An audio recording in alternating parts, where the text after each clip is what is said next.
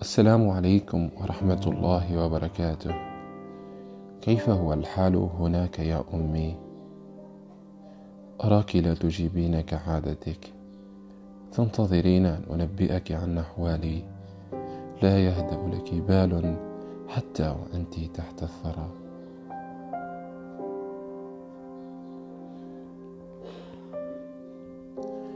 أتذكرين يا أمي؟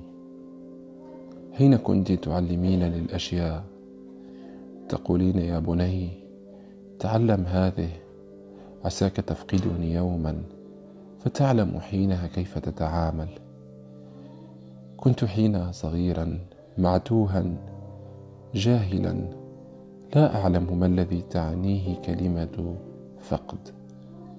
حتى الآن وبعد الفراق لا أعلم يا أمي ما تعنيه كلمة فقد.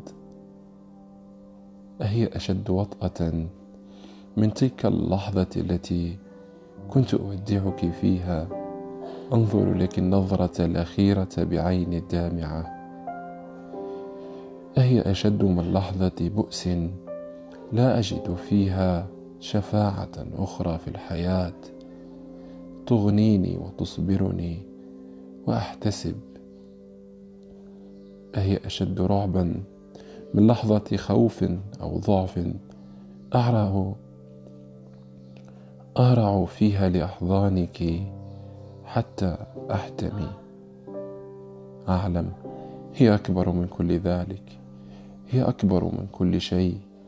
هي تحتوي الآن كل حياتي بتفاصيلها الصغيرة.